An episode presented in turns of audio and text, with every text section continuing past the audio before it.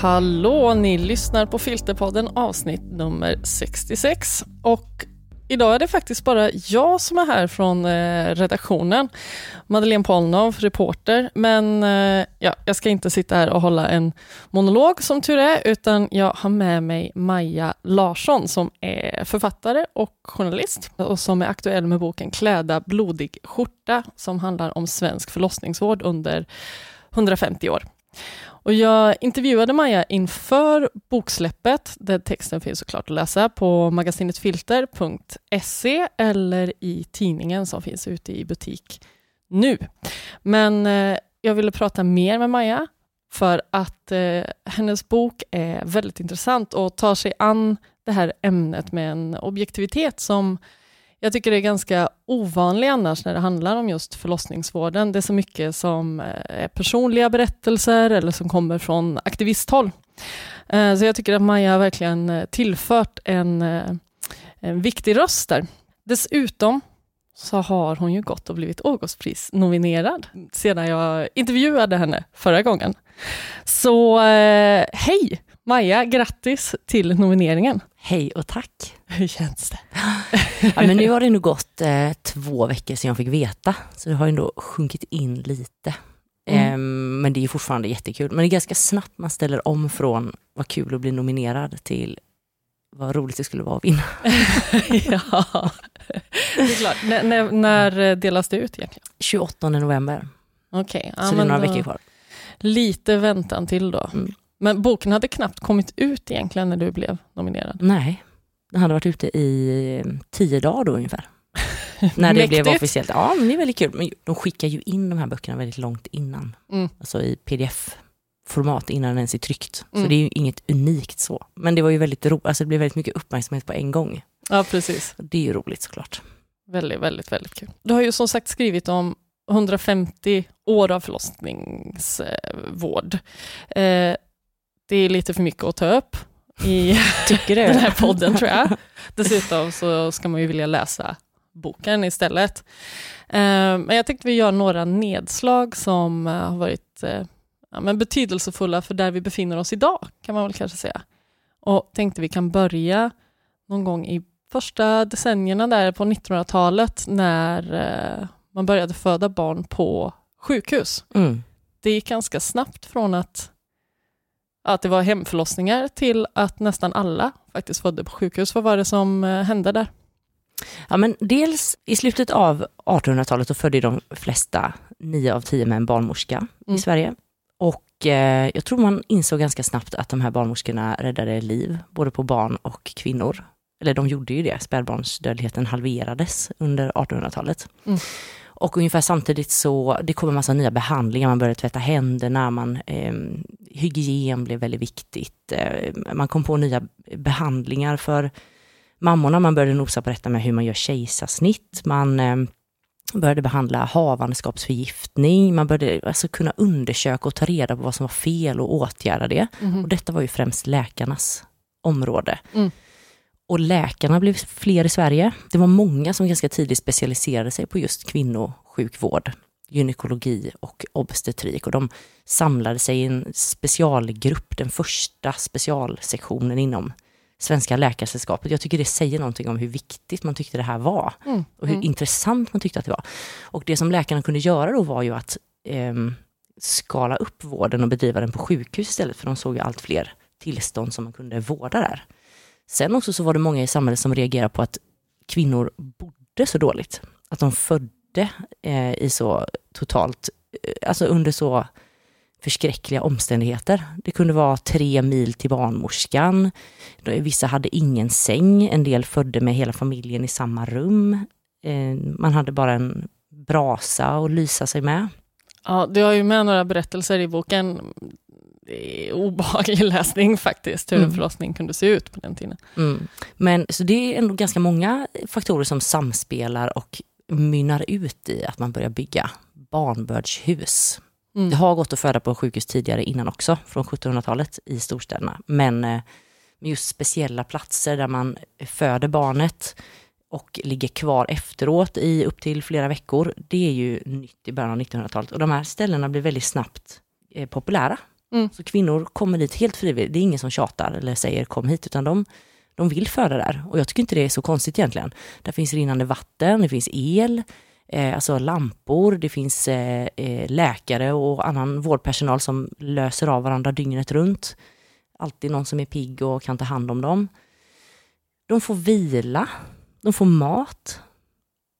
Ja, det är ja. ganska fantastisk utveckling egentligen. Ja, så redan 1912 så är ju Stockholms kvinnor först i världen med att eh, en majoritet föder på sjukhus. Mm. Mm.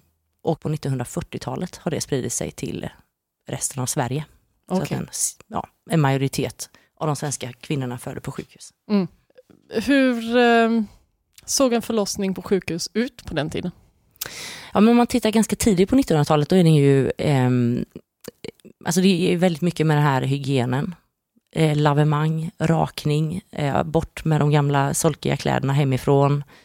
Det är ju en läkare som är ansvarig. Det jobbar nästan inga barnmorskor på eh, barnbördshusen ännu, utan barnmorskor jobbar med hemförlossningar och läkare jobbar på sjukhus. Mm. Det är inte så vanligt att man har en barnmorska eh, med sig när man föder på sjukhus. Mm. Men den största förändringen är ju att allt som är kulturellt och välkänt för kvinnan försvinner.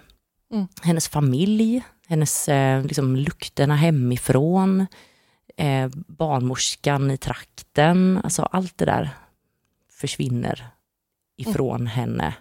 Det är priset som kvinnorna får betala för allt det här, kan man väl säga. Ja, för renligheten och för den kompetenta vården. Det man vinner i medicinsk trygghet förlorar man i personlig, personlig eh, upplevelse kanske, eller ja. hur man ska uttrycka det. Ja, men i kanske trygghet, tänker jag. Ja. Barnet läggs ju i en eh, eh, liten säng vid fotändan i början, de första, fram till typ 1940-talet. Mm. Så man får ändå ha barnet hos sig, men det är väldigt stränga regler för när man får ta upp det och amma det och vara med det. Och, eh, man pratar på allmänna BB i Stockholm om att i den här vårdapparaten så går mamman mest bara i vägen. Det finns ingen plats för henne. Mm. Det är mhm. bättre att barnsköterskorna sköter om barnen. Och...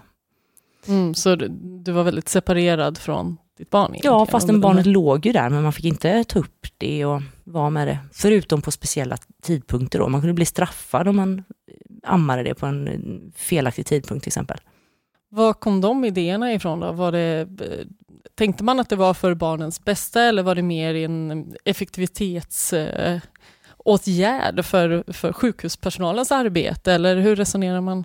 Ja, men jag tror att det är lite både och. Eh, både att man tänkte att det var hygieniskt och säkert och liksom bra för barnen att någon som faktiskt kunde barnskötsel skötte om barnen. Man tänkte också på något sätt, tror jag, att eh, vi, vi, måste styra upp detta. De kan liksom inte hålla på. Man hade sett så hemska exempel ute i landet. Man hade sett hur eh, mammor gav sina barn eh, sur komjölk eller tuggade maten i sin mun och spottade över den till barnet. Man tyckte det var man vill liksom styra upp detta, mm. göra det lite mer eh, evidensbaserat och eh, renligt. Mm. Och sen så tror jag också att det handlar om effektivisering. Att man, vi hade ju en, ändå en relativt stor industri i Sverige vid den här tiden. Jag tror man tänkte att eh, men vi har ju sett här att det är ganska bra med en människa som kanske arbetsleder, andra som utför arbetet. Och så, ja, så strukturerar vi på det här sättet. Det blir mm. ett effektivt sätt att jobba. Just det. Jag tror också faktiskt att en del kvinnor uppskattar just det här med vilan, att de faktiskt fick ligga, ligga kvar och vila. Mm. Det finns många berättelser om det, att de tycker det är ganska skönt att få ligga där och prata med andra och någon pysslar om barnet. Jag har inte eh, hittat många berättelser där de tycker att det här systemet är dåligt. Mm. Och de väljer ju också, även om vi kan tycka det låter hemskt idag, så väljer de ju faktiskt att föda där. Så det fanns inte riktigt några motreaktioner på den tiden emot det här? Nej, det är ju en berättelse i boken som är en, kvinna som tycker att det är väldigt eh, dåligt just med de här eh, hårda reglerna. Mm. Att hon tycker att, att det här med att straffa eh, mammorna och barnen, det tycker hon inte man ska göra. Men det är samtidigt en småsak, tycker hon. Mm. För att eh, man, ska inte, man ska inte romantisera hur det, var, hur det är att föda hemma. Du sa att man kunde se en stor skillnad i eh, både barn och mödradödligheten i och med att barnmorskor hade börjat eh, jobba och vara med på förlossningar. Kunde man se det också när, det gick över till sjukhusförlossningar? Ja, det hänger ju i. Mm, absolut tänkte att nästa nedslag blir i någon helt annan eh, kulturell kontext i alla fall, på 70-talet när det hade kommit en väldigt stark kvinnorörelse, grupp 8 bland annat och så. Och det hände ganska mycket under 70-talet. I början så handlade det mycket eh, om kvinnorörelsen, frågor kring rätten till smärtlindring. Vad var det man hade kommit på då eller tagit influens från då? Ja, men olika sätt att eh, bemästra förlossningssmärtor har ju funnits länge. Mm. Man har hållit på med kloroform, sövt kvinnor i princip. Mm. Eh, man har testat med att dutta eh, kokain upp längs eh, liksom livmoderhalsen, för man tänkte mm. att det kan vara smärtlindrande. Man har testat alla möjliga sätt. Mm. Lustgas slog igenom på 30-talet. Yeah. Och olika så här andningstekniker och sånt har också funnits sen 50-talet i Sverige ungefär. Men på 60-talet så är det ganska mycket som händer. Unga kvinnor blir journalister. Svensk journalistik förändras, den börjar så där, eh, granska makthavare, visa verkligheten och det kommer kvinnorörelse som du säger. Och det här med smärtfri förlossning blir ganska snabbt en um, politisk och extremt medial fråga. Mm. Man tycker att det är förskräckligt att kvinnor ska behöva föda under så stora plågor. Och det har också då kommit nya preparat, EDA, epidural kommer vid den här tiden. Mm. Och även någonting som heter paracervikalblockad som inte är så vanligt idag. Men okay. det kom då. Och då, då fanns ju inte detta överallt. De här metoderna kräver en narkosläkare och det fanns bara på en liten handfull sjukhus i Sverige. Så eh, kvinnor börjar kräva detta och får då riksdagsbeslut som säger att alla kvinnor ska ha rätt till smärtlindring vid förlossning. Det är en ganska stor grej. Ja, det får man verkligen säga. Men det var inte alla som jobbade på sjukhus, barnmorskor och så, som var positiva till det här. Nej, de tyckte ju, en del tyckte att det pratades alldeles för mycket om det här med eh, smärta och inte så mycket om eh, barnmorskans kompetens och metoder. Alltså barnmorskorna tyckte ju inte det var jättekul att, för då började man ju också eh, organisera sjukhusen efter detta. Man började lägga ner små sjukhus där man inte hade narkosläkare till exempel. Mm. För att förlossningarna, alltså samla förlossningarna på sjukhus där det fanns narkosläkare, operationskapacitet, mm. akutsjukvård, sånt. Mm. Och det här tyckte ju både barnmorskor och många kvinnor också var förskräckligt. Att de här pjoskiga kvinnorna som tjatade om smärtlindring, de skulle inte få styra hur hela eh, vårdapparaten utformades. okay. men, men som du sa, det kom ändå ett riksdagsbeslut om det här, så att man fick börja liksom anpassa sig till, till eh, det beslutet i alla fall.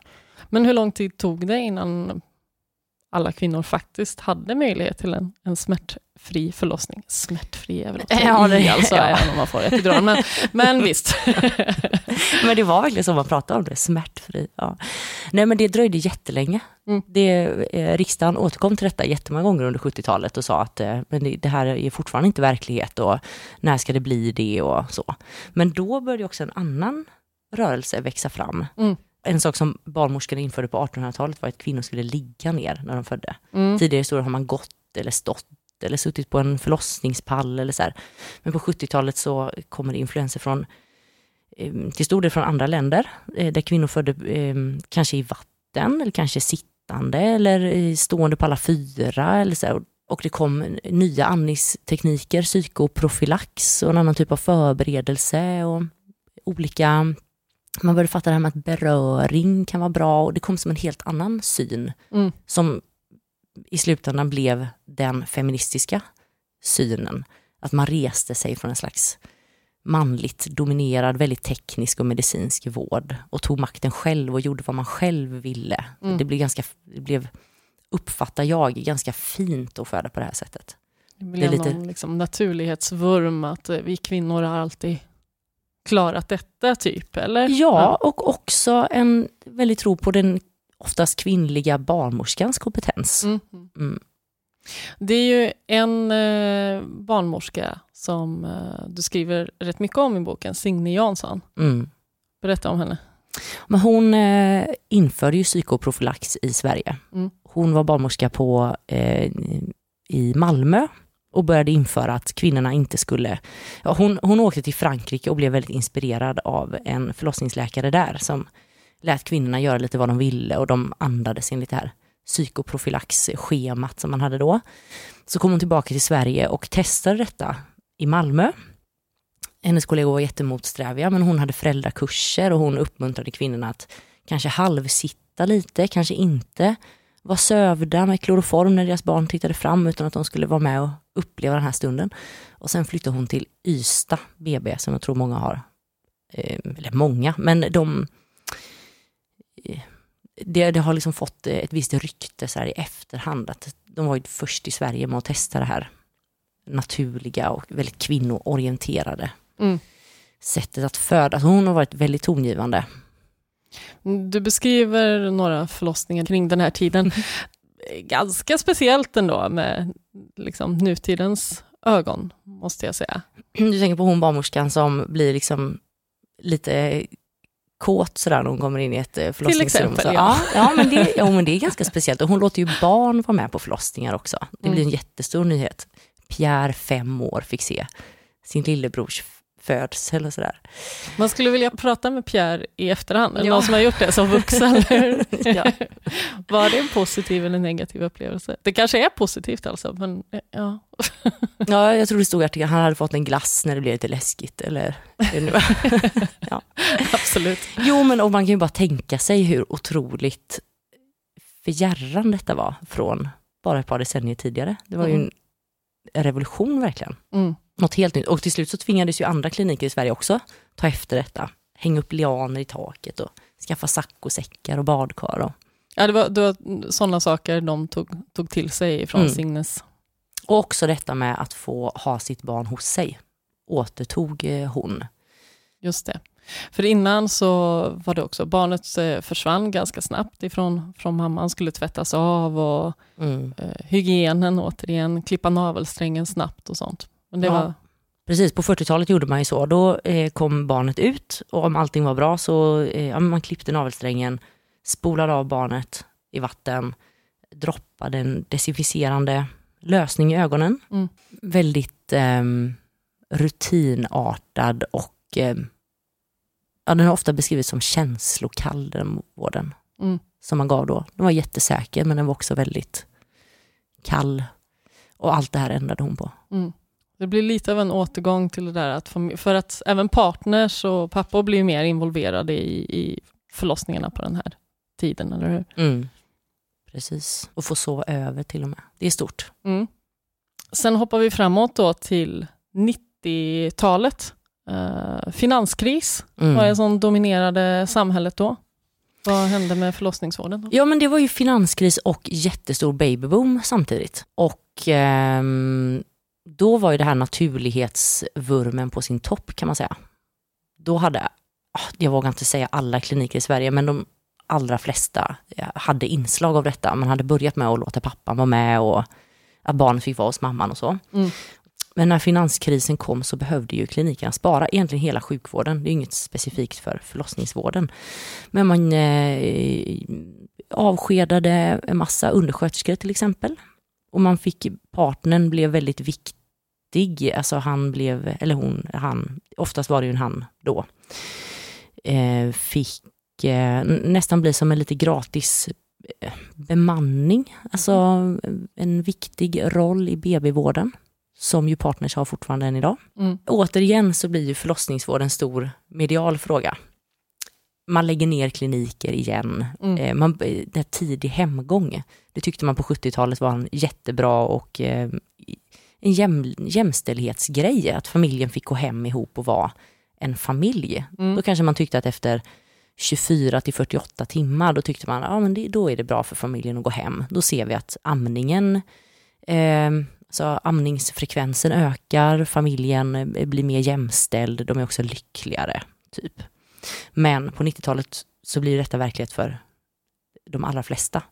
Det är inte heller bara negativt i början, alltså hur det bemöts. Mm. Det finns eh, barnmorskor som tycker att det här har vi eftersträvat hela tiden, att de som behöver få mycket vård ska få mycket vård. Och de som inte behöver lika mycket vård, de kan gärna gå hem. För att det här är ju någonting friskt. Så. Mm. På 80-talet, under den här naturlighetsvurmen, då pratade också Socialstyrelsen om, eh, alltså ännu mer om eh, man säger att 700 till 1000 förlossningar, färre eh, födslar än så ska inte en förlossningsklinik ha. Mhm. Och det blir väldigt viktigt för eh, klinikerna att profilera sig som bra. Det blir Mm. också möjligt, alltså de här lite pionjärklinikerna som Mora var en sån och Ystad var en sån. Dit åkte kvinnor och alltså, skrev sig, folkbokförde sig där för att få föda där. Mhm. Men på 80-talet så blev det tillåtet att föda vad man ville. Mm. Och då, men då kan man läsa tidningsartiklar som är så här, eh, detta finns på din förlossningsklinik och så jämför man och listar allt vad som finns, både smärtlindring, finns det, finns det jacuzzi, kan man, få, kan man få ha barnets syskon på BB, kan man få eh, föda i vatten, alltså det är så, de blir extremt kundtillvända Mm. och slåss ju om eh, att få patienterna till sig. Det här är ju antagligen också eh, mest tydligt i storstadsregionerna. Det är ju ändå inte jättemånga som kanske, alltså om Örnsköldsvik hade marknadsför sig stenhårt så kanske inte folk hade åkt dit ändå. Man börjar också med sådana här risk, eh, ni vet, ja, alla som lyssnar har kanske inte fött barn men det här med röd, gul och grön, man kan vara i olika riskkategorier, man börjar ha förlossningskoordinatorer som svarar i telefon, alltså man strukturerar sina arbetssätt på ett helt annat vis. Det är också ungefär den här tiden som man startar Aurora-mottagningar för förlossningsrädsla. Det är också den här tiden som kvinnor börjar kräva kejsarsnitt på psykosociala grunder. Eh, och då att eh, förlossningsberättelsen börjar ta plats. Att det ges ut massor av böcker om förlossningar till exempel som inte har något särskilt syfte. Alltså man vill inte till exempel kräva någon särskild metod eller göra politik av förlossningsvården utan mer bara berätta om det som en intressant och viktig händelse. Mm. Det är ju lite nytt. Just då. det. Det som svämmar över idag på internet. Precis. Men det här sammantaget, att man dels får ut mycket mer eh, förlossningsberättelser och att man då har möjlighet att ha en mer individanpassad upplevelse. Sådär. Eh, måste ju också ha lett till att man har eh, kanske högre förväntningar på hur ens förlossning ska vara. Ja, men jag tror att det börjar där på 80-talet när klinikerna ska börja till, alltså de säger ofta att de ska tillmötesgå alla önskemål. Mhm. Det ska vi göra, för då Mm. kommer patienterna hit. Mm. Eh, och det i kombination med eh, patientlagen som också kommer ungefär då, som säger att alla ska ha rätt att påverka och delta i sin egen vård. Förlossningsbrev som börjar komma på 90-talet. Ehm, och detta i kombination med att vi bara idag sköljs över av förlossningsberättelser. Jag är ju ungefär lika gammal som du. Det är ju, går ju inte en dag utan att jag ser en bild på ett barn som föds eller Nej. hör en berättelse om det.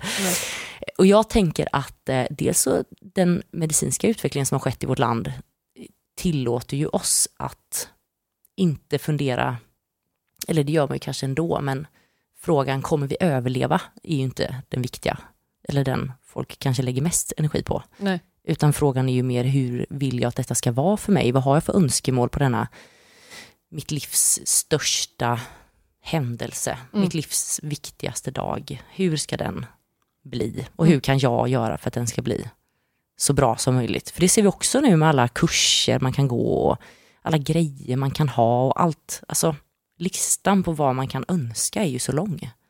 Verkligen. Jag frågade ju hur eh, såg en förlossning ut eh, i början av 1900-talet? Hur skulle du säga, hur ser en förlossning ut idag?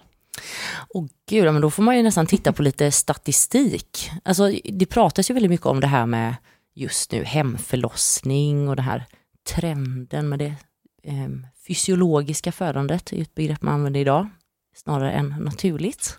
Kanske får förklara det Ja. fysiologiska för Ja, men det handlar väl om, eh, nu är det inte jag som har myntat detta begreppet då, men ehm, de influencers som pratar om detta exempel, de pratar ju om, eller säger ni influerare här på filter? Vi skriver influerar Ja. i alla fall, men vi kan väl få säga vad vi vill. Ja. Jo, men de pratar ju om det ostörda födandet, där oxytocinet som smärtlindring är och eh, alltså det kroppsegna oxytocinet är i centrum. Man ska känna sig trygg, det kan gärna vara lite mörkt, man eh, eh, använder sig av eh, smärtlindring som inte är kanske epidural utan bad och alltså så. En ganska omedicinsk förlossning. Och där övervakningen kanske inte heller är dosor på magen och skalpelektrod utan något annat. Men i alla fall, man pratar ibland om det som en trend. Men tittar man på hur det ser ut så får ju de allra, allra flesta människor som föder i Sverige, de är ju övervakade med eh, sådana CTG-dosor på magen, eller skalpelektrod som jag förstått också har blivit väldigt mycket vanligare på senare år. Eh, över 60 procent av förstföderskorna får epidural. Alltså, sen kan det också handla om att gränsen för vad vi tycker är naturligt och fysiologiskt förändras. Som är, är, lustgas är ju en medicinsk smärtlindring, men jag tror många tycker att de har fött lite sådär utan smärtlindring när de har fött med lustgas till exempel. Mm. Um, så jag tror, äh, det är omöjligt att säga hur, egentligen är det omöjligt att säga hur en förlossning såg ut på 1800-talet också, men uh, det rådande är ju um, sjukhusförlossningen. Sen kan uh, man ibland få en annan uppfattning, att det, att det här med hemförlossning och så är jättevanligt, men det är det ju inte. Nej. Det känns ju som att eh, det mesta man hör om svensk förlossningsvård är att det är kris i förlossningsvården och eh, de flesta som går ut med sina förlossningsberättelser kanske inte eh, har en odelat positiv syn på hur det har varit. När vi pratades vid förra gången så sa du ändå att eh, du är stolt över den svenska förlossningshistorien mm. och tycker att vi har en väldigt bra förlossningsvård. Ja, men det, jag tycker inte det, det har inte gått att skriva den här boken utan att bara känna mig jätte ja, men stolt och också Alltså jag ska ju inte tillskrivas något av det här, men eh, och ödmjuk över att man i alla tider har tyckt att man har gjort det bästa. Det är så många uppfinningar som kommer från Sverige. Vi har legat i världstoppen vad gäller låg spädbarns och mödradödlighet i 150 år. Vi har fortfarande är det eh, barnmorskor som eh, vägleder och ansvarar för den normala förlossningen. Så är det inte i alla länder. Eh, vården är gratis för alla. Eh, det går inte att köpa sig en plusvariant. kan man också i jättemånga andra länder göra. Eh, och det, ju, det, diskuteras ju mycket liksom hur, hur kan man jämföra mellan olika länder? Kan man verkligen bara prata om mödradödlighet? Vi förväntar oss mer än så. Och absolut är det så, men tittar man på listor över världens över förlossningsvård i världens länder och hur det är att bli förälder så ligger ju Sverige i topp i alla sådana listor. Kanske inte, topp, alltså kanske inte första plats men topp fem i alla fall. Mm. När man då räknar, vad har vi för det är också andra faktorer, inte bara själva förlossningen utan också eh, föräldraförsäkring och eh, skyddsnät och alltså Jo men sen några år tillbaka så görs ju den här nationella graviditetsenkäten mm. där man skickar ut frågor till alla gravida och nyförlösta i hela Sverige. Och eh, den, den, besvarades eh, förra året av hälften av landets gravida och nyförlösta. Och där sa nio av tio att de skulle rekommendera förlossningskliniken de fött på till en vän. Mm. Lika många säger att de har känt sig trygga och eh, respektfullt bemötta. Mm. Den där brukar ju bli lite ifrågasatt dock. Ja, jo men den, den har blivit ifrågasatt. Man har sagt att de frågorna ställs eh, för tätt inpå. Jag är faktiskt inte säker på att det gäller just den undersökningen, men det, det görs ju, klinikerna själva gör ju också sådana undersökningar och då säger man, man kan inte fråga det direkt efter förlossningen för då dels så är ju kvinnan helt eh, hormonellt påverkad och också kan man uppleva det som att om jag sätter tre här, då är det barnmorskan som jag kritiserar. Mm. Men alltså nu är det den metoden vi har. Någonting säger den väl ändå den, den, det, det den säger för mig är att det är inte kaos överallt och hela tiden. Sen, sen vet vi alla, det går inte att säga något annat än att det är för få barnmorskor. Och att eh, det är ju, eh, upplevs ju som en kris i till exempel Stockholm, där man inte kan vara säker på att få föda där man vill och så. Och där förlossningsavdelningen kan vara full redan innan sommaren och så. Um, och det har jag ju all respekt i världen för. Vi har ju en säker förlossningsvård i Sverige. Den är ju bra. Tack så mycket Maja för att du kunde vara med idag. Och lycka till. När var det? 28 november? Japp. Vi håller tummarna. Ja, tack. tack.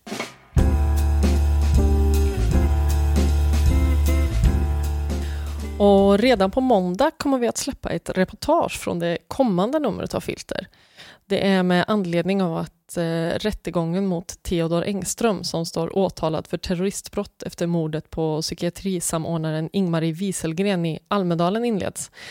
Kommer han att dömas till fängelse eller psykvård? Mattias Göransson har skrivit ett reportage om Sveriges världsunika strafflösning där rättssystemet dömer psykiskt sjuka människor och där de med allvarliga psykiska störningar till och med kan hamna i fängelse. På måndag hittar du alltså det här reportaget på magasinetfilter.se och dessutom så kommer vi att prata mer om reportaget i nästa podd om två veckor. Lyssna gärna då och glöm inte att följa podden på exempelvis Spotify så du inte missar något avsnitt. Hej så länge!